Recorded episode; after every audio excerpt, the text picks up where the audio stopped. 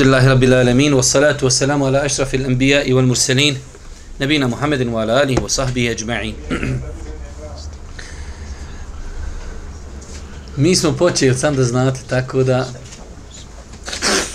doista svaka zahvala pripada uzvišnom Allahu te baraka wa ta'ala salavat mir i selam na Allahu poslanika Allahu milenika Muhammeda alihi salatu wa salamu u častnu porod suzvrte sahabe i sve ljude koji slijede put istine do sudnjega dana. Braću moja draga, evo nas u još jednom terminu čitaonice i četvrtkom nakon jacije namaza u ovom periodu zimskom. Družimo se sa raznim knjigama. Trenutno čitamo knjigu Dijela srca od šeha Hajrudna Ahmetovića. Svake sedmice pročitamo jedno dijelo koje je šeh obrađivao. Pokušamo prilagoditi. Prošli put je dijelo bilo poprilično, znači, e, sažeto i rezimirano, pa sam ja dodao dosta stvari od sebe. Večeras suprotno. Večeras imamo jedno mnogo, mnogo bitno dijelo srca, koje bi možda i trebalo dva predavanja da ga kompletno obradimo, ali mi ćemo to ako Bog da pokušati rezimirati u večerašnje predavanje. Naime, večeras se družimo sa jednim mnogo, mnogo bitnim, opet ću ja reći onu svoju bajagi otrcanu frazu, možda i najbitnije dijelo u ovoj knjizi, a to je el mehabbet, ljubav prema uzvišom Allahu te barka o ta'ala. Zašto tolika pažnja i za, zaisto, zašto toliki, hajde da kažemo, toliki respekt prema ovom ibadetu iz razloga što sve druge stvari i svi drugi ibadeti se na kraju krajeva vezuju za ovaj ibadet. Insan koji voli Allaha, on je spreman biti pokoran. Insan koji voli Allaha, on je spreman ostaviti grijehe. Insan koji voli Allaha, on je spreman trpiti, on je spreman odgajati se, on je spreman i tako dalje. Pa ljubav prema uzvišom Allahu subhanahu wa ta'ala ima, ima neopisivo veliku ulogu u našim, u našim životu. Da ne bi, da ne bi dužili, e, da počnemo čitati ako Bog da iz početka. Uvod. Vjernik na ovome svijetu putuje ka svome gospodaru s ljubavi, strahom i nadom, pa je ljubav na mjestu glave, a strah i nada su poput dva krila. Znači, to, su, to je taj neki, ajde da kažemo, stvari koje nas drži na pravom putu. Imamo ljubav prema uzvišnom Allahu koja neprestano daje snage insanu da ustraje. Imamo strah, imamo nadu. Bojimo se Allahove kazne, nadamo se njegovom oprostu i volimo svoga gospodara. Te stvari, tri kada budu, znači, zajedno, tri komponente, bivaju razlogom da čovjek ustraje na putu istine.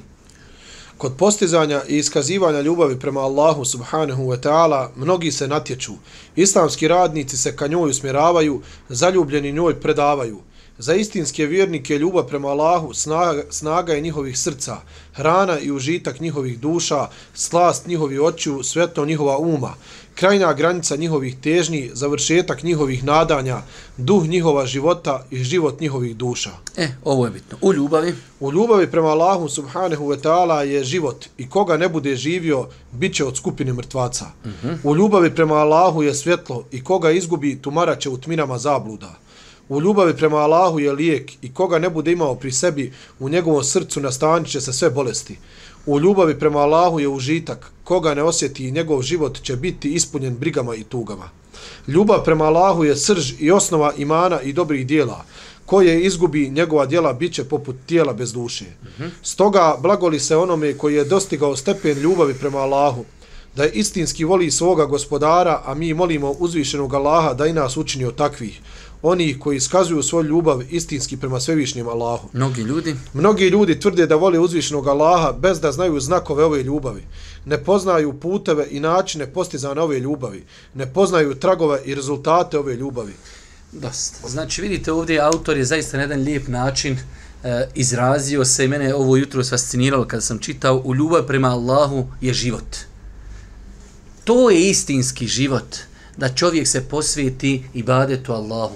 Ljubav, da to, da, da to bude zadnja neka stanca koju on želi da dostigne. Ljubav prema Allahu je svjetlo. Insan koji nema ljubav prema Allahu, sve, znači mimo, mimo toga je tama. Ljubav prema Allahu je lijek. Sve mimo toga su bolesti. Ljubav prema Allahu je užitak. Ljubav prema Allahu je srž i osnova imana.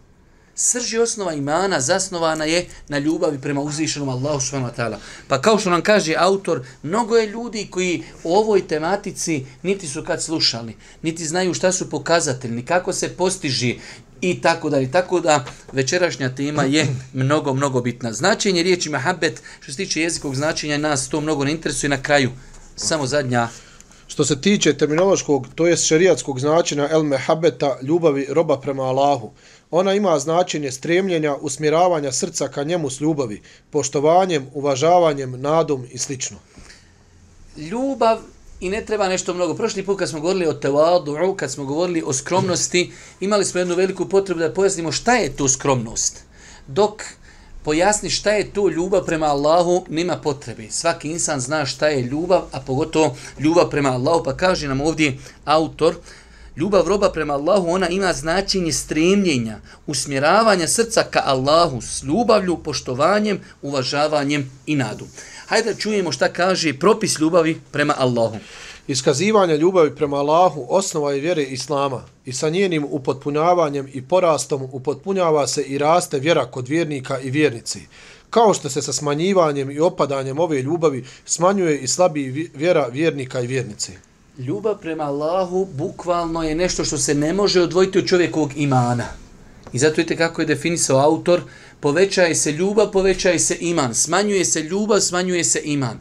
Pa je znači ljubav prema Allahu plod vjerovanja i usko vezana za vjerovanje.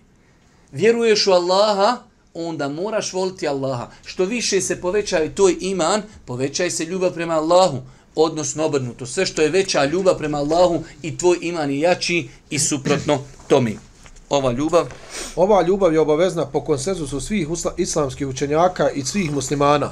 I od roba se traži da, da posegne za svim putema i načinima postizanja ove ljubavi kako bi upotpunio svoj iman. Uh mhm. -huh. Ušao je Hasan el Basri kod Ebu Abbasa ibn Suređa pa ga upitao, o sine Suređov, koji je ajet iz Allahovi knjige govori da je ljubav prema Allahu obavezna? Ne znam, odgovori Ibn Suređ, a Hasan el Basri reče, to su riječi uzvišnog Allaha. Reci, ako su vam očevi vaši i sinovi vaši i braća vaša i žene vaše i rod vaš i imanja vaša koja ste stekli i trgovačka roba za koju strahujete da, prođe, da prođe Prođi. Da prođe neće imati.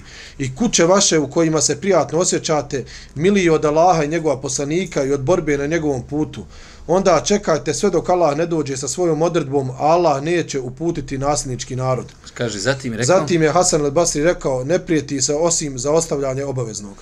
Pogledajte ovdje ovaj kuranski ajet iz sure Teube gdje Allah Đelšanu na kraju kaže ehabbe ilikum. E ovdje je došla riječ habbe. Ako su vam spomenute stvari i očevi, i sinovi, i braće, i žena, i metak, i rod, i trgovačka, ako su vam draži od Allaha, sačekajte onda. Prijeti Allah dok Allah donese svoju odluku. Pa se prijeti ako insan ima na dunjaluku da mu je nešto preće i draži od Allaha. Vi ćemo ovdje, autor lijepo spomenuo, Uh, citat iz knjige e, Tesiru Laziz al-Hamid uh, da ljudi ne bi pogrešno shvatili. Čovjek ima ljubav, uh, voli određenu vrstu hrani, E, čovjek voli svoje dijete, čovjek voli određenu vrstu e, možda dunjalučki ukras, auto ili nešto. To nikako ne isključuje ljubav prema uzvišenom Allahu subhanahu wa ta'ala. Već kada dođe situacija da čovjek zbog ljubavi prema nečemu krši Allahove granice, to je sporno. Ali da čovjek kaže, vidjet ćemo imati tri vrste ljubavi, čovjek voli određenu hranu, nije to ništa sporno. Čovjek voli e, svoju suprugu, svoje dijete, voli, to ništa nije sporno. Već je problem onog momenta kada čovjek nešto ili nekoga voli do te mjere kada dođu propisi uzvišenog Allaha te barakve on je spreman zbog ljubavi prema nečemu prekršiti Allahov propis. Ali ovdje vidimo jasno u ovom kuranskom majetu koji Hasan el Basri njime je dokazivao obaveznost ljubavi prema uzvišom Allahu subhanahu wa ta'ala. Dobro, dalje. Ljubav prema Allahu koja, koja je obavezna jeste ljubav prema veličanju, poštivanju i činjenju ibadeta samo Allahu subhanahu wa ta'ala. Ljubav je ispoljava se kroz ibadete, kroz pokornost, kroz strahovanje, kroz zikr, kroz veličanje. To je ljubav prema uzvišenom Allahu subhanahu wa ta'ala. Suleiman? Suleiman ibn Abdullah ibn Muhammed ibn Abdul Wahab, rahmehullahu ta'ala, rekao je, postoje dvije vrste ljubavi, zajednička i posebna. Zajednička ljubav ima svoje tri vrste. Prva vrsta zajedničke ljubavi jeste urođena prirodna ljubav poput ljubavi gladnog za hranom, žednog za vodom i slično i ova ljubav ne iziskuje veličanje. Vidite, ova čovjek voli hranu kad je gladan. Da li to znači da on veliča tu hranu? Ne, čovjek gladan, daj mi da jedem, potreba. Dok ljubav prema Allahu iziskuje veličanje samim tim da čovjek kad bi nekog insana volio do te mjere da ga veliča, da ga uzdiže, to već onda vidjet ćemo, može, ne daj Bože, ne daj Bože, može insan počiniti i širk. Širk u ljubavi. Ali, da insan, ja znam kako našim ljudima nekad kad priđeš, pa onda čovjek iziđe z dersa, gore mu bude nego prije dersa. Da čovjek ne polupa te lončiće, znači voliti hranu, voliti auto, sve dok je to u nekoj granici, e, kako je Allah Žešanu stvorio insana, i sve dok ga to ne odvodi od Allaha, i sve dok, dok on to ne veliča, nema u tome, inšala, ništa sporno. Broj dva, druga, Druga vrsta. vrsta zajedničke ljubavi, ljubav iz milosti i suosjećanja poput roditeljske ljubavi prema svome djetetu. I ova ljubav također ne zaslužuje veličanje. Čovjek voli svoje dijete, to je logično. Dijete se rađa, očekuješ ga, ono hoda, ti ga gledaš, voliš ti dijete, dijete voli tebe. To je nešto što je urođeno, ali isto ga ne proizilazi veličanje. Već jednostavno, to je nešto što je Allah Đelešanu usadio u ljudska srca. Zato je Boži poslanik i govorio onome e, Akra ibn Habisu. Kad je došao, Boži poslanik poljubio svoje dijete, kaže, vi ljubite djecu. Pa veli, ljubim, zar vi ne ljubite? Kaže, ja imam desetero, nisam nikad jedno poljubio. Ovo je najveći dokaz kakvim ljudima je poslanik Ali Selam poslan. Kaže, ja imam desetero djeci, nisam nijedno nikad poljubio. Jadan ti kolač, ja to ne mogu satiti.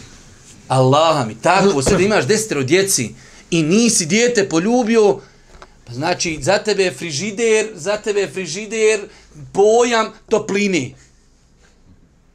Kaže Allah poslanik, šta ti ja mogu kad je Allah iz tog srca i, i uzeo ljubav? Nema ti u srcu ljubavi.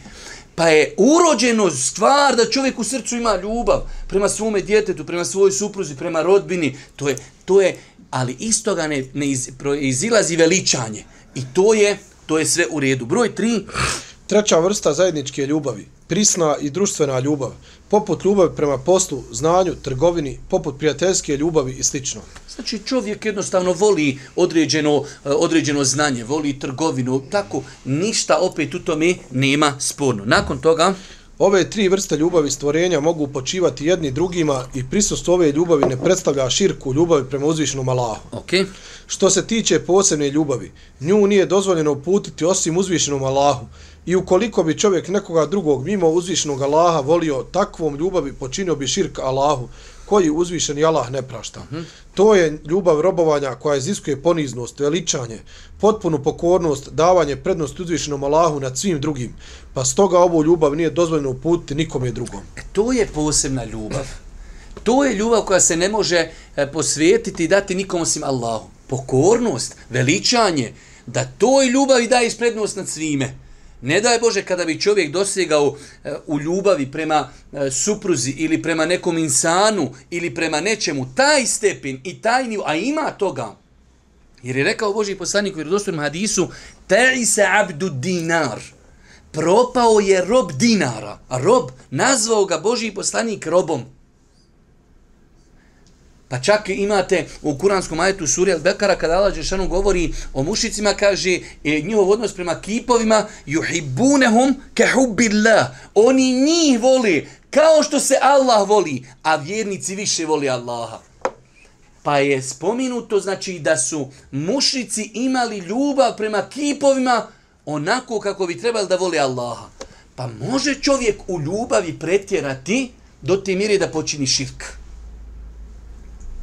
Ali znači insan se ne treba sa time mnogo opterećavati. Ljubav, znači sve dok ga ta ljubav ne sprečava od robovanja Allahu i dok ta ljubav nije popraćena veličanjem onoga što insan voli, inšala biznila, to nije sporno. Selam. E, nastavi nam dalje. Znakovi? Znakovi. Znakovi koji ukazuju na ljubav roba prema Allahu, svome gospodaru. Mm -hmm. Pošto je ljubav skrivena u unutrašnjosti, u srcu, lahko je da je svi pri, prizivaju. Ni, ne trebaš nam ništa više. Lako je prizvati. Ja volim uzvišnog Allaha Đelešanu. i nerijetko se kod nas daje, malo se samo pomjerite, imate dosta mjesta, imojte tu džaba, onaj, što bi rekao, kod vrata sjeti. Velik broj naših ljudi kad kaže umre čisto srce i tako da, ne, ne, ne, ne. Gde da vidimo mi pokazatelje? Čovjek kaže, kao što se kaže ovdje u ovom uh, ajetu, iz sure El Maide, وَقَالَتِ الْيَهُودُ وَالنَّصَارَ نَحْنُ أَبْنَاءُ اللَّهِ وَحِبَّهُ Kažu židovi i kažu kršćani, mi smo voljene osobe uzvišenog Allaha. A, lako je to ustvrditi. A daj nam dokaz za to pa da vidimo šta su dokazi i pokazatelji da li insan voli Allaha ili ne voli. Broj 1. Evo, jes, okay. Priželjkivanje suseta s uzvišenim Allahom. Mm -hmm. Nemoguće je da srce tvrdi da voli nekoga svoga posebnog, a da ne priželjkuje susret s njim voljenim. To je nemoguće. Nemoguće da ne priželjkuje susret sa njim i gledanje u njega. Mm -hmm. Od Ubadi ibn Ebir Samita radi Allahu an prenose da je vjerovjesnik sallallahu alaihi ve sellem rekao Ko bude priželjkivao susret sa Allahom, i Allah će priželjkivati susret sa njim. Uh mhm. -huh. Onaj ko iskreno voli Allaha, svoga gospodara, gospodara, stalno ga spominje i stalno spominje susret sa njim, nikada ga ne zaboravlja. Uh -huh. Poznavajući žudnju svojih robova za njim, onih koji ga iskreno vole i koji mu se iskreno pokoravaju, uzvišen Allah je ugovorio trenutak sastajanja s njima, pa je rekao, onaj ko se nada susretu sa Allahom, pa neka zna da će doći sigurno dan obećani, a on sve čuje i sve zna. Ovdje, sam još na kraju, ovo ne znači... Ovo ne znači da bi vjernik istinski volio svoga gospodara da priziva smrt. Ne, već ovo znači da kada mu se približi smrt, doživni smrtne muke, da je zadovoljan tim trenucima i da se raduje susretu sa svojim gospodarom. Kako je lijepo, jer ovdje insan kad čita ovaj početak, u datom momentu, ono ispadnik, čovjek bi trebao da priželjkuje smrt da bi se sreo sa gospodarom. Ne, To je neispravno poimanje. Zato je autor da ga Allah nagradi lijepo to i odgovorio. Ovo ne znači da bi vjernik istinski volio svoga gospodara da priziva smrt. Ne. Već ovo znači da kada mu se približi smrt, čovjek došao na smrtne muke, tada on voli susret sa gospodarom. Zašto? Zato zbog te ljubavi koju je gajio u svome srcu čitav život. I zato insan kada vidite voli nešto, on jedva čeka da to sretni, jedva čeka da to vidi. E, tako i vjernik kada mu dolazi smrtne muke, on se pokorava Allahovoj odredbi i čeka susret sa uzvišenim Allahom subhanahu wa ta'ala. Broj 2.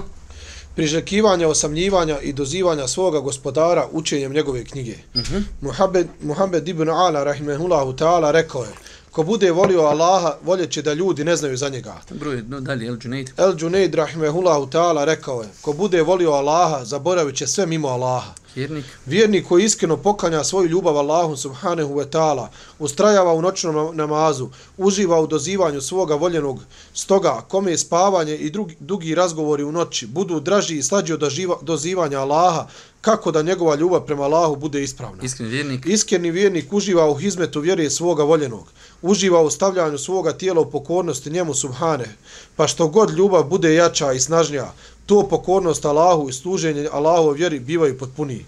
Našem vjerovjesniku, sallallahu alejhi ve sellem, bile su drage mnoge lijepe stvari od Dunjaluka, međutim, slas njegova oka, njegov smira i lahatluk bili su u dozivanju njegovog voljenog.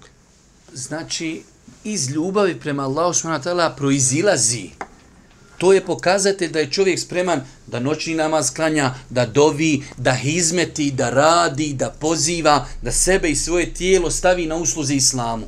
I, znači, iz ljubav, ako tvrdiš da voliš uzvišnog Allaha, onda bi trebalo da bude ovako. A ako nije tako, onda je znači ta ljubav tvoja upitna. Broj 3. Nedavanje prednosti nikome od voljenih nad uzvišenim Allahom. Jedan od pokazatelja, to je ono što cijelo vrijeme želimo da istaknemo. Pokazatelj ljubavi jeste da čovjek ne daje Allahu Đelešanu njegovim propisima, njegovom zadovoljstvu, ne daje prednost nad bilo kom i na dunjalku. Ako je insan takav, elhamdulillah, kod njega je to pitanje i tekako ispravno. Dok, ako dođe na nivo da, eh, kada se sukobi i kada dođe do, ajde da kažemo, tog nekog mora odabrati, tamo ili vamo pa da odabire dunjaluk i odabire kršenje Allahove granica, onda je ljubav prema Allahu i tekako upitna. Iskreni vjernik najviše od svega voli Allaha i njegova poslanika, salallahu alaihi ve sellem. Ome radi Allahu an je rekao, Allahu poslaniće, u istinu si mi draži od svega osim od mene samog. Vjerovjesnik, salallahu alaihi ve sellem mu kaže, ne, tako mi onoga u čioj ruci moja duša, sve dok ti ne budem draži od tebe samog. Pa je Omer radijalahu an rekao, u istinu si mi sada draži od mene samog. Allahu poslanik sallallahu alaihi veselem mu reče, sada Omere. Sada Omere je upotpunjen tvoj iman. Da čovjek voli Allah Đelšanu i voli njegovog poslanika više od bilo čega, čak više i od samoga sebe. Pročitaj nam ovaj dole pasus, dakle... Dakle, od znakova iskrene ljubavi prema Allahu jeste nedavanje prednosti ničemu voljenom nad uzvišenim Allahom i njegovim poslanikom. Ni roditeljima, ni djetetu, ni drugim ljudima, ni strastima i prohtjevima. Onaj koji da prednost nekome nad Allahom subhane, neka zna da je njegovo srce bolesno. Još ovo upitanje. Upitanje Ebul Husein ibn Malik rahmehullahu ta'ala. Šta je znak ljubavi? Odgovorio je ostavljanje onoga što voliš radi onoga koga voliš. Ovdje je veoma bitno da ne bi, ne daj Bože, pogrešno shvatili, jer nam se to zna nekada desiti, kada ovdje autor kaže, dakle, od znakova iskreni ljubav prema Allahu jeste nedavanje prednosti ničemu voljenom nad uzvišnim Allahom. Ni roditelju, ni djetetu, ni drugim ljudima, ni strastvima, ni prohtjevima. O, iz ovoga ne proizilazi nešto što bi mi mogli e, reći da je grubost, ako, ako dođemo u neku situaciju da moramo nešto birati, ok, biramo Allaha, ali ono drugo što ostavljamo na lijep način. Nerijetko nam se dešava da mi te svoje emocije ili e, izgradnju svog imana e, znamo dosta puta e, sprovoditi na jedan poprilično grub način. Pa zato ovo, e, da ne bi se pogrešno satilo, ne dajemo mi prednost nikome nad Allahom, nikako. Ali isto tako to ne znači da moramo prema tomi E, nešto ako smo morali birati između roditelja, djeteta, dunjaluka i Allaha, izabrat ćemo Allaha. Ali ne znači da moramo prema tome biti grubi, da ga moramo... Ne, ne, nikako. I to je jedna e, veoma bitna stvar. Nažalost, nerijetko nam se dešava da e, krenemo u prakticiranju određenih propisa i onda dođemo na taj nivo da moramo birati e, vjera, uzvišeni Allah, njegov poslanik ili nešto sa strane, pa mi onda sebi uzmemo neki pravac, moramo rušiti, moramo biti arogantni, moramo biti ljudi i tako dalje, što je neispravno. Voliti Allaha, odabrati Allaha ne znači, ne znači nikako da moramo biti namrgođeni ljudi ili nešto slično tome. Broj četiri. Biti sklon čestom zikru spominjanju uzvišenog Allaha. Ibrahim ibn el-Džunejd rahmehullahu ta'ala je rekao, Jedan od pobožnjaka je rekao, od ahlaka morala oni koji iskreno vole Allaha jeste mnogoborno spominjanje Allaha tokom dana i noći, srcem i jezikom. Ukoliko ne bude u stanju jezikom, onda srcem. Ovaj kuranski uzvišnji Allah. Uzvišnji Allah naredio je svojim robama da ga spominju u najtežim trenucima po njih, rekao uzvišnji Allah. O vjernici, kada se s kakvom četom sukobite, smjeli budite i neprestano Allaha spominjite da biste postigli ono što želite. Pogledajte ako insan kaže ja tvrdim volim Allah, ok, ovo je jedan vid ispit, imat ćemo još malo, nakon toga još jedan ispit. Da insan u ratu, granate padaju, akcija traje, kaže, e tada Allah spomnite. Tada to mogu zaista iskreni Allahovi robovi, oni koji istinski Allah voli. Vazkurullah. Tada, znači, kada, kada su najteži momenti, ti opet ne zaboravljaš na onoga koga najviše voliš. Pa je to jedan od pokazatelja da insan istinski voli uzvišnog Allaha. Broj pet. Srce vjernika koji iskreno voli svoga gospodara u osami, osjeti strahopoštovanje prema svome gospodaru i njegove oči se orose suzama. Mm -hmm. Uzvišen Allah govori o ovome pa kaže Pravi vjernici su samo oni čija se srca strahom ispune kada se Allah spomene a kad im se riječi njegove kazu, vjerovanje im učvršćuje i samo se na svoga gospodara oslanjaju. Mm -hmm. Oni koji se privezali za Dunjaluk pa ga neopisivo mnogo vole, kada se spomene Dunjaluk i putevi do njega, njihova srca zatrepere. Pa kako li stanje iskrenih vjernika koji svoju ljubav iskreno poklanjaju svome gospodaru, treba da bude kad se Allah spomene. Insan, ovo su sve neke stvari, džaba je ljudi, ovo je, ovo je ilm, ovo je znanje i ja danas ovo čitam, porijetko se džegod nađim. Jesu teški ispiti, ali zato govorimo noćas o vrhuncu Islama. Govorimo o ljubavi uzvišnog Allah subhanahu ta'ala, pa insan, znači pogledaj, znate kad ono nekad, eh, hajde da kažemo, radi se o plati, o nekom dobitku, gledaš utakmicu, to je uzbuđenje i tako dalje. E, vjerni kad se spomeni Allah, pogotovo kad se spomeni u samoći, sjedi, zikri, dovi, klanja, spomeni se Allah Đelešanuhu, kakav je njegov odnos prema uzvišenom Allahu. Šest. Ljubomora prema Allahu. Vjernik koji iskreno voli svoga gospodara, ljubomoran je na Allahove granice, na Allahove propise. pa se srdi kada se oni narušavaju. To je to. Jedan od pokazatelja da čovjek voli Allaha jeste da kada vidi da se krši Allahove granice, da je ljubomoran, da ga to potresa, da ga to boli, vidi neko opsovo, neko e, konzumira alkohol, neko krade, teško mu pada, krše se Allahove subhanahu wa ta'ala granice i to je pokazatelj ljubavi prema uzvišom Allahu. Broj 7. Ljubav prema Allahovoj knjizi. Ukoliko želiš da provjeriš svoju ljubav prema uzvišenom Allahu, pogledaj u svoju ljubav prema Allahovoj knjizi, Kur'an i Kerimu. Abdullah ibn Mesud. Abdullah ibn Mesud radi Allahu anhi rekao, ko želi da sazna da li voli Allaha, neka svoju dušu izloži Kur'anu, pa ukoliko bude volio Kur'an, on doista voli Allaha, jer je Kur'an Allahov govor. E sad, ima i tu moment svakako da svaki vjernik će kad ja volim Kur'an. Svakako, svi mi volimo Kur'an, Allahov govor, to nam je obaveza. Ali opet, e sad, šta su znaci naše ljubavi prema Kur'anu? Sama ljubav prema Kur'anu je pokazatelj da mi volimo Allaha. Ok, ali da li i za tu tvrdnju da volimo Kur'an treba dokazati nešto? Da li čovjek kaže, ja volim Kur'an i prođe mjesec dana ne uči nikad Kur'an. Ali kaj ja volim Kur'an, to, to je neopisivo. Pa ako voliš e, tako, voliš ranu, koliko dana možeš da ne jediš? Ili neću da navodim sad primjere harama, čovjek voli duhan, koliko može bez duhana? Ako, mo, ako voliš Kur'an, gdje je Kur'an u tvom životu? I zato sam dosta puta kroz predavanja zaista i provokativno, a i u čuđenju. Čovjek 50 godina rodio se musliman i umire, nije imao vremena da nauči sufaru, da uči Kur'an. Da ne govorim gdje je dnevni vird, koliko dnevno učiš, koliko dnevno razmišljaš, koliko praktikuješ, koliko pozivaš, koliko si se okitio kuranskim smjernicama u svome životu. A išu kad su pitali o poslaniku Mahlaku, kaže to je bio Kur'an koji hoda. E koliko smo mi? E to je pokazatelj ljubavi prema Kur'anu koja ukazuje na ljubav prema uzvišenom Allahu subhanahu wa ta'ala. Broj 8. Žaljenje za onim što ga prođe od pokornosti i zikru Allahu. Ništa, idemo na broj 11. 11. Mm -hmm. Slijedženje Allahovog šerijata. Mm -hmm. Uzvišeni Allah prejasno ovome govori kada kaže Reci, ako tvrdite da Allaha volite, onda mene slijedite, pa će i Allah vas zavoljeti i grijeh vam vaše oprostiti.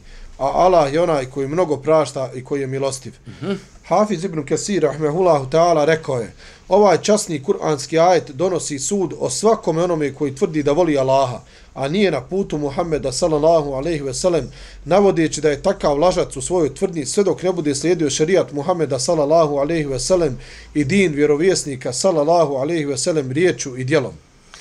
Kul in kuntum tuhibbun Allah, reci, ako vi volite Allaha, tvrdite da vi volite Allaha, mene slijete poslanika. Pa je slijedjenje poslanika, ali se letu veselam, kao što smo malo prije rekli za, za Kur'an, najveći pokazatelj tvoje ljubav prema Allahu ako čovjek voli Allaha, ovaj kaže imam Ibnu Kethir, ovo je ajet ispita. U protivnom ta tvrdnja je, kaže, laž. Čovjek ja volim Allaha i pogledaš njega, njegov život, njegovo ponašanje, njegovu porodcu, sve, nigdje tu nema sunneta ni iz daljine.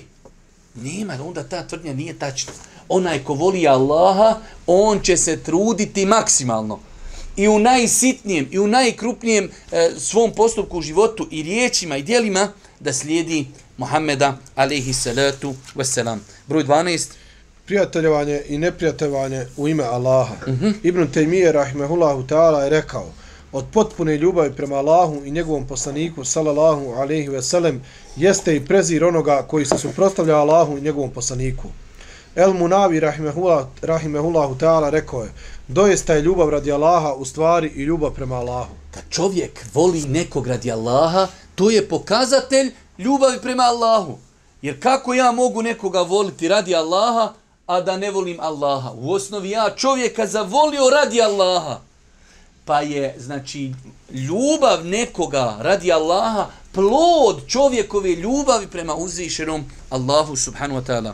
Ljubav dobri česti ljudi, to nam e, razlozi koji vode do iskrenje ljubavi prema uzvišenom Allahu. Znači, mi smo do sada govorili o nekim pokazateljima gdje svako od nas se može poprilično na ovih 10-12 tačaka vidjeti, izvagati, nekad vidimo Boga da je to nešto daleko, nedokučivo, nekad i vidimo da nas pomalo i ima, a nekad, znači, onaj, Boga mi i daleko. E, to su bili neki pokazatelji. Da vidimo, kaže, razlog koji dovodi do iskrene ljubav prema uzvišenom Allahu subhanahu wa ta'ala. Od svakog vjernika i vjernice se traži da posegne za svim putema i razlozima koji ga dovode do iskrene ljubavi prema uzvišenom Allahu. Zbog toga ovom prilikom spomenut ćemo neke od tih razloga koji dovode do pojave iskrene ljubavi prema Allahu subhanahu wa ta'ala u srcu vjernika. Pod jedan, učenje Kur'ana sa razmišljanjem i spoznajom njegovih značenja. Na drugoj stranici. Ajte. Dakle, učenje... To Dakle, učenje Kur'ana Allahovog govora.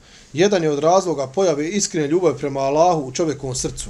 U Kur'anu nalazimo posticaj na svako dobro.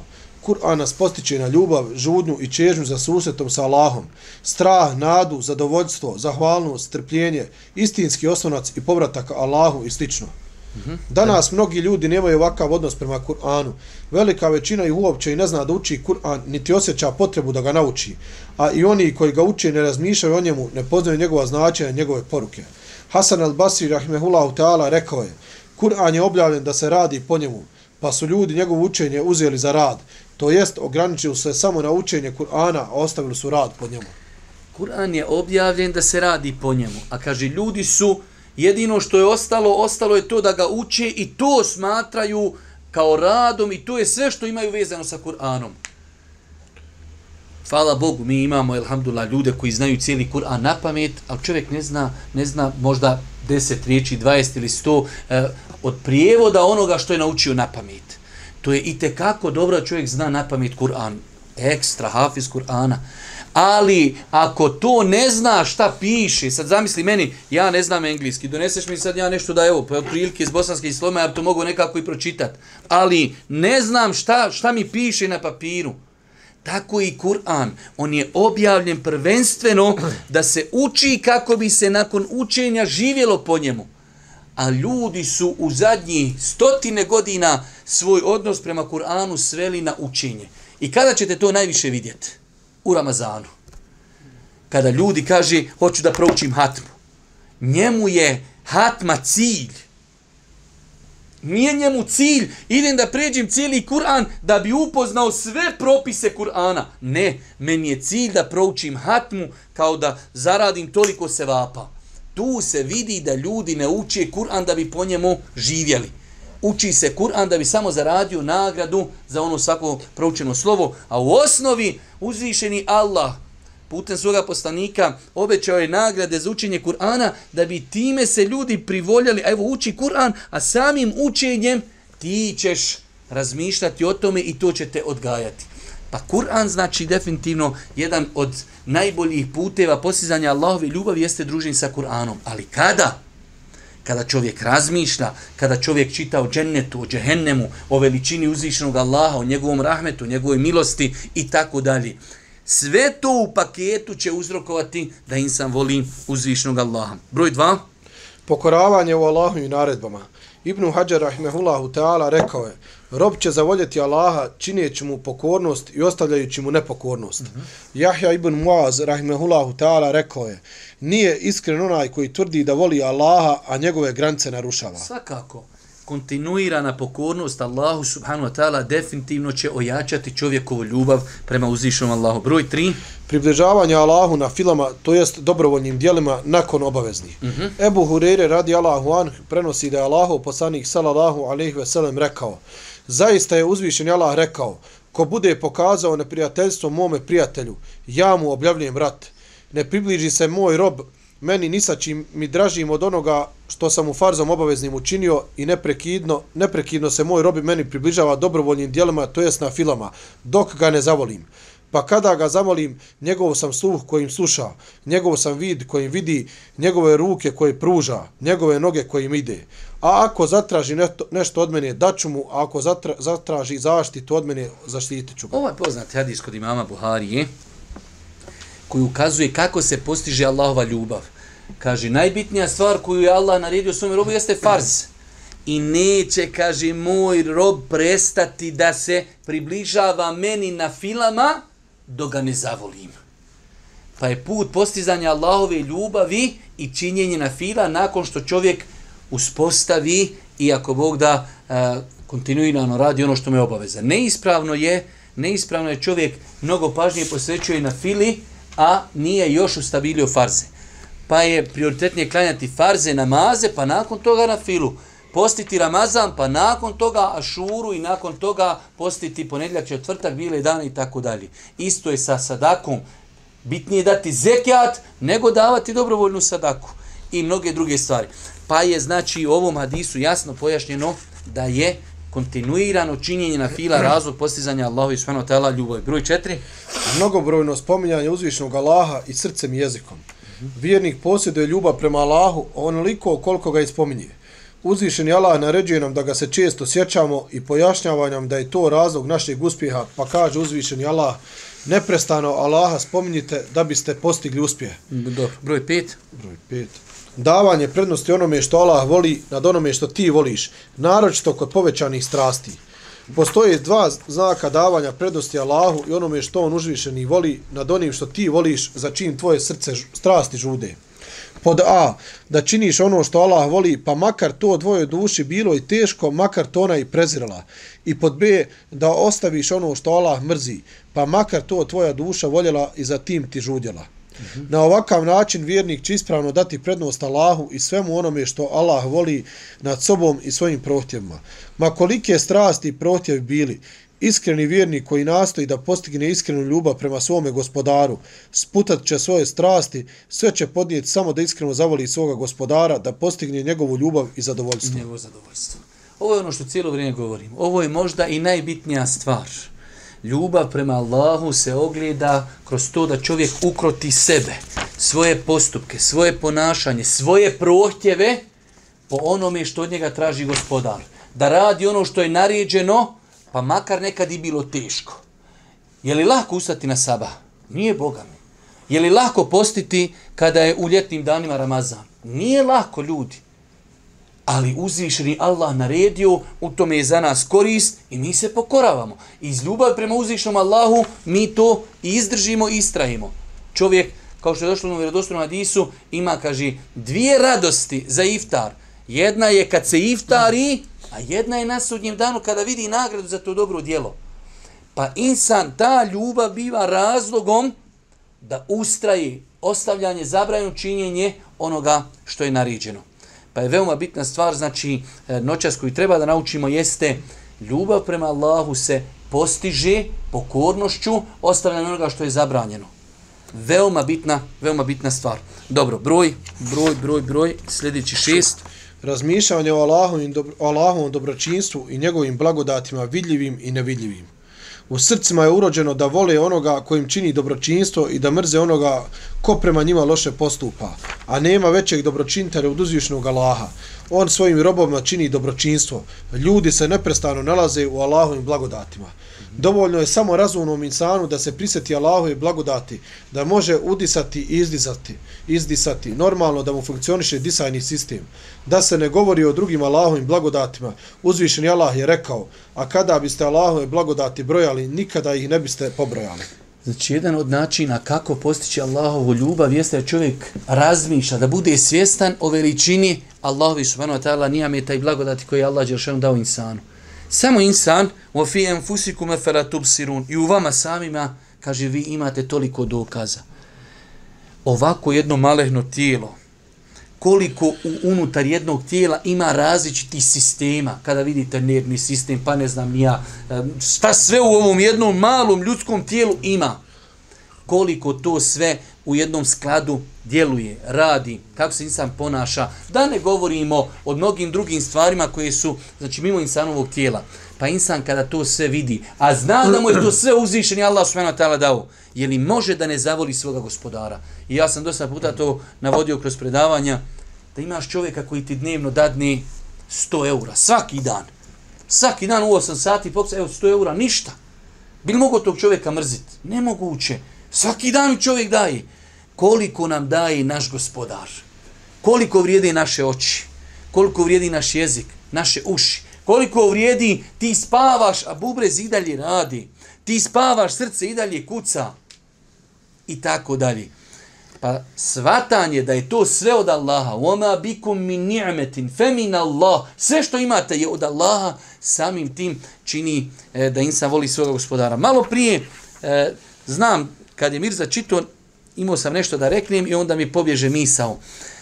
Ja kad sam, nedavno sam bio napisao ono na Facebook, rekao, hajde da ljudi malo mi pišu svoja ta neka iskustva sa kladionicama, pa sam bio u planu da napravim neki video klip, pa inšal, možda ćemo nekad i napraviti. Čudo! Ljudi, tako mi Allah, čudo je kako ljudi mogu biti vezani za kladionice. Ne ja to samo kažem, Allah najbolje zna, ali to je neka vrsta sihra. Ne može se drugačije pojasniti. Da čovjek dođe da nivo, dobio platu, kod kuće žena i djeca gladna, tu platu ostavi u kladionci. Istuče oca i majku da bi uzeo pare da bi ošao u kladioncu.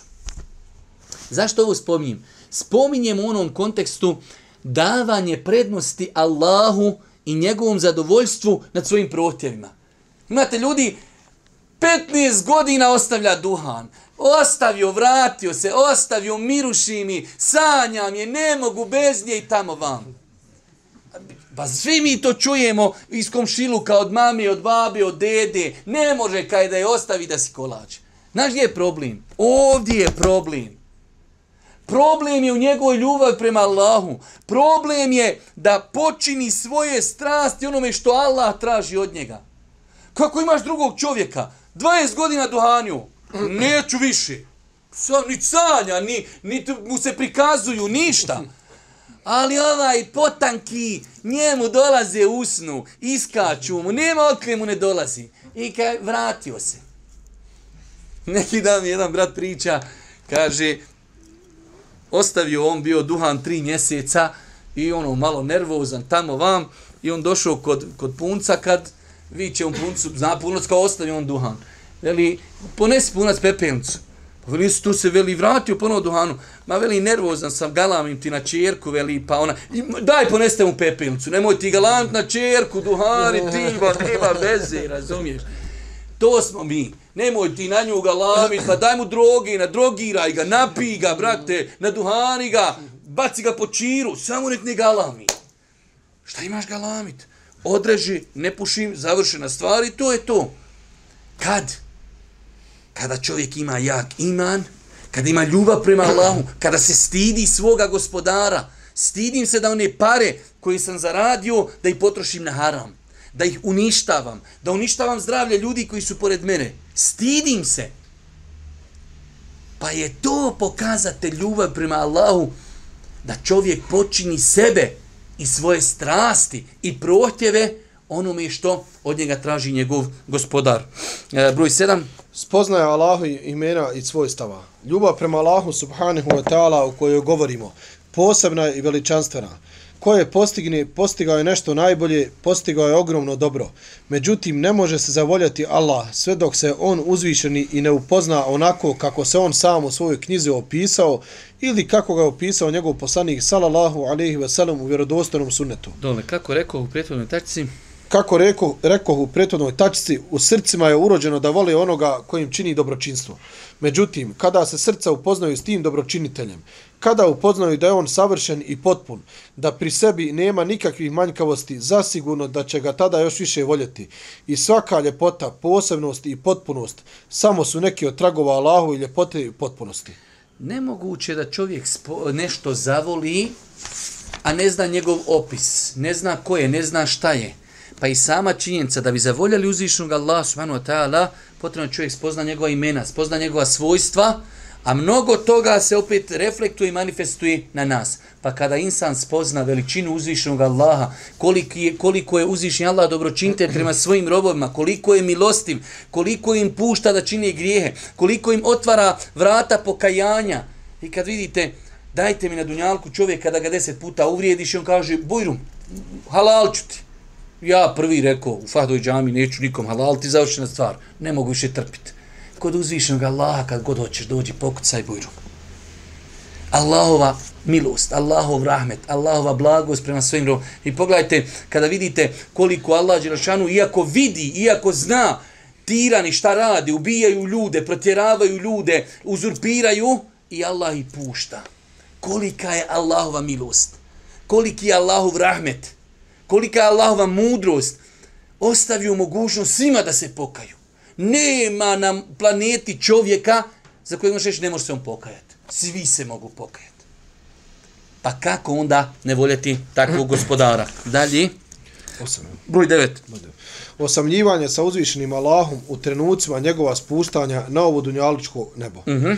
U ovim trenucima iskreni Allahovi robovi ponizno dozivaju svoga gospodara njegovim govorom. Stoje pred njim i traže oprosta, kaju mu se za svoje grijehe. Uzvišeni Allah je opisuje pa kaže Bokovi njihovi se postelja lišavaju i oni gospodara svoga iz straha i želje dozivaju, a dio onoga što im dajemo udjeljuju. Poznati hadis Allahu poslanika alejhi salatu vesselam da se uzvišeni Allah te barek taala svake večeri u zadnjoj trećini noći spušta na dunjalučko nebo. Pa ako insan hoće da postigne ljubav uzvišnog Allaha, ustani tada kada uzviši Allah te barek ve najbliže tebi, pa se i ti približi njemu na seđdi. Allahu poslanik kaže najbliže što je čovjek svome gospodaru jeste kad je na seđdi. Pa se ti njemu približi. Pa traži od njega da u tvoje srce da u tvoje srce da ljubav prema uzvišenom Allahu subhanahu wa ta'ala. I na kraju plodovi iskrene ljubavi prema uzvišenom Allahu. Nakon što smo vidjeli kako se manifestuje, kako se postiže, e, da vidimo samo neki, kratko ako Bog da je rezimirano, neki od plodova koji će čovjek, hajde da kažemo, uživati ako postigne ljubav uzvišnog Allaha te barke ta'ala. Spoznaja plodova neke stvari pomaže zasigurno u postizanju te iste stvari.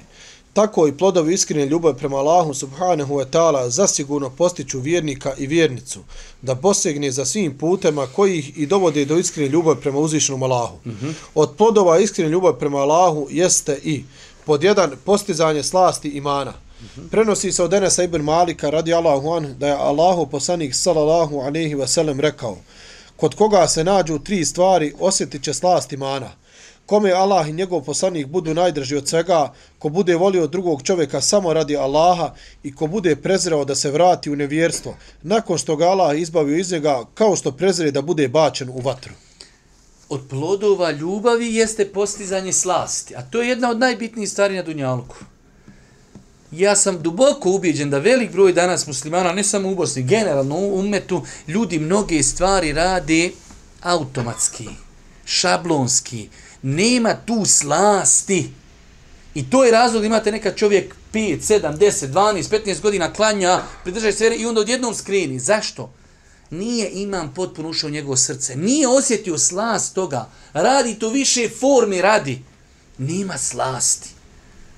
Pa je ovaj moment, znači, slast vjerovanja. A kako kaže, neće osjetiti, ili kod koga se nađu tri stvari, osjeće slast imana, kom je Allah i njegov poslanik, buđu draži od svega ostalog. Takav će osjetiti slast imana. A insan koji osjeti slast imana, uz Allahu pomoć se za njega, nemoj bojati dunjalučkih iskušenja i dunjalučkih musibeta. Jer je on, on je postigao ono što se od njega očekuje.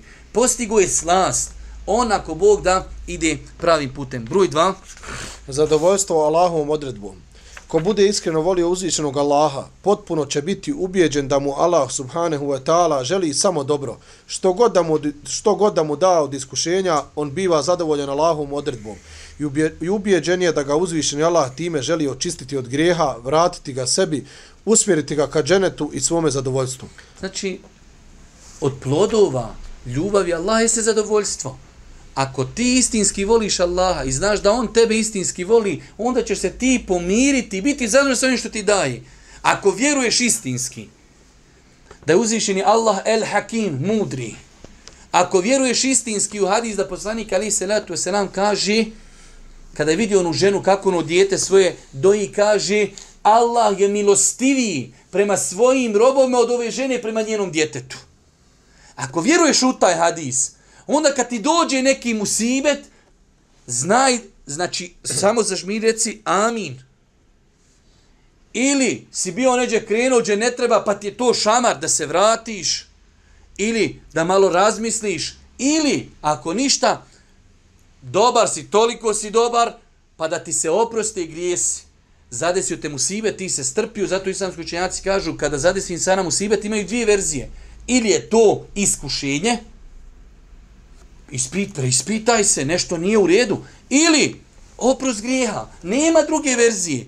Kada se desi nešto što nije po tvojim nekim parametrima dobro, ili je to iskušenje što bi trebalo da bude razno da se prispite. Kažeš, Boga mi nešto, da ja, da ja malo sjednim, da sračunam, da se vratim Allahu. Ili imate, vidjeli ste sad ove zemljotrise? Daleko od toga, molim Allah, Đelešano se smiluje svima onima koji su preselili, koji su nastradali, ali zatrese se zemlja ljudima, halo ljudi, gde se malo vratite?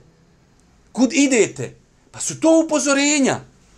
S druge strane, ako insan sjedni i vidi, hvala Allahu redovno klanjam, postim, učim Kur'an, šta ja znam, nemam harama, onda dolazi iskušenje, pa imam neki grijeha koji treba da, da mi se oprosti na taj način. Jer znate u vjerodostojnom hadisu kaže Allah poslanik, ima ljudi kojima Allah propiše da ređu u džennetu. Oni je ne mogu dostići svojim dijelima, pa im Allah dadne iskušenja, oni se strpe, bonuse pokupe i idu gore na tu deređu koja im je propisana. Pa insan, kada voli Allaha, on je zadovoljan njegovom odredbom. Broj 3. Neovisnost us, us, o svima izuze uzvišnog Allaha. Vjernik koji iskreno voli svoga gospodara, svoju neovisnost iskazuje pred svima, izuzuje pred Allahom uzvišenim. Podršku, pomoć, izlaz traži samo od njega svevišnjeg, što god mu neko ponudi od unjalu, kao on kaže, Allah je bolji i vječan je. Kada ga svi napuste, okrenu se od njega, on kaže, ne žalosti se, doista je Allah s nama.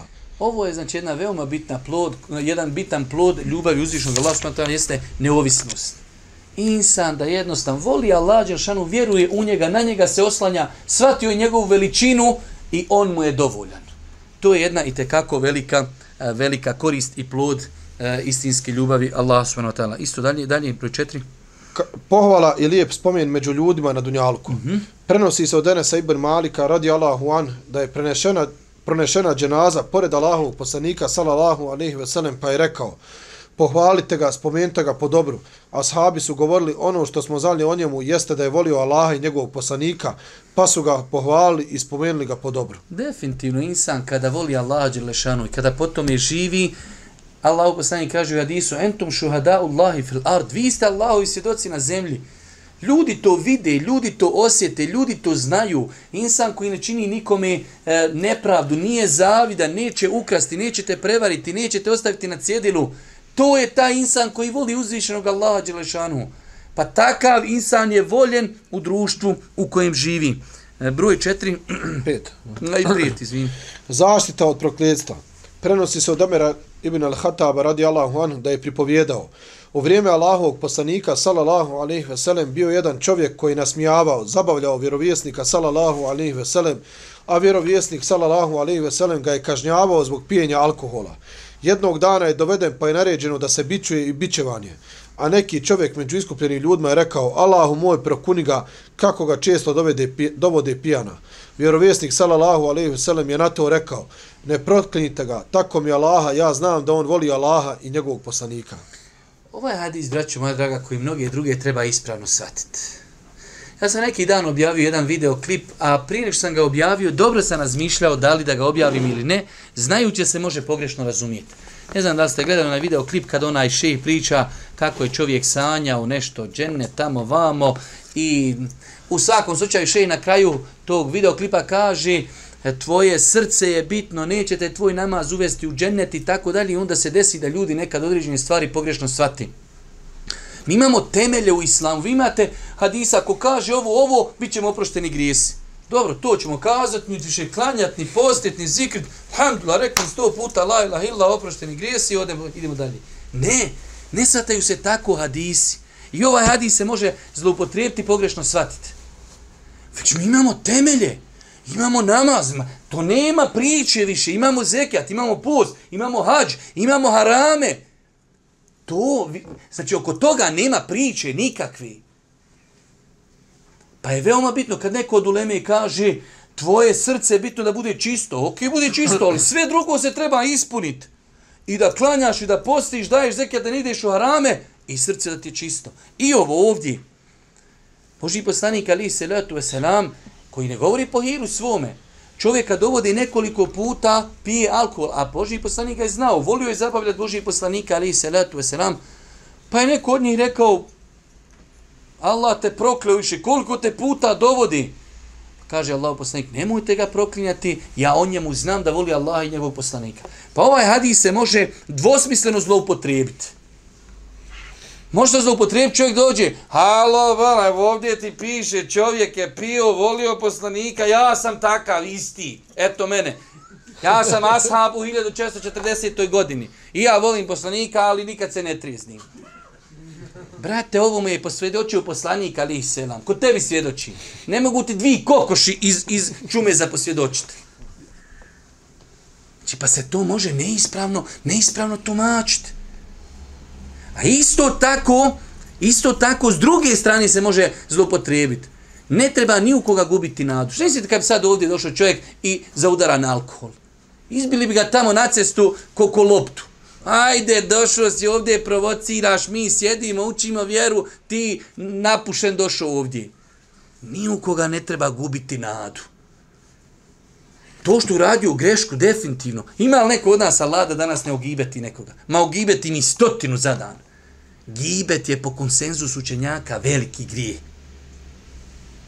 A ja mogu gibeti, dobar, da, to imam, ja imam šest situacija u kojima je dozvoljen gibet, ja njih uvijek uguram u ni šest, u mene uvijek ide po šest oni. A kad neko drugi uradi grijeh i haram, mi smo tu prežestoki. Pa uradio haram, ali ne znaš ti šta on još u životu ima od svojih dobrota. Da li čovjek klanja, da li ne klanja, da li pomaže sirotinju, da li pomaže bijedu, da li radi, da li ne, i tako dalje. Pa insan, ovi ovakvi hadisi, ovakvi hadisi se moraju ispravno shvatiti. Ali generalno ovaj hadis ovdje autor e, spominje kao razlog da ta ljubav za koju je znao Allah poslanik ali se ratu se bila je razlog da je prekinuta ta dova protiv njega.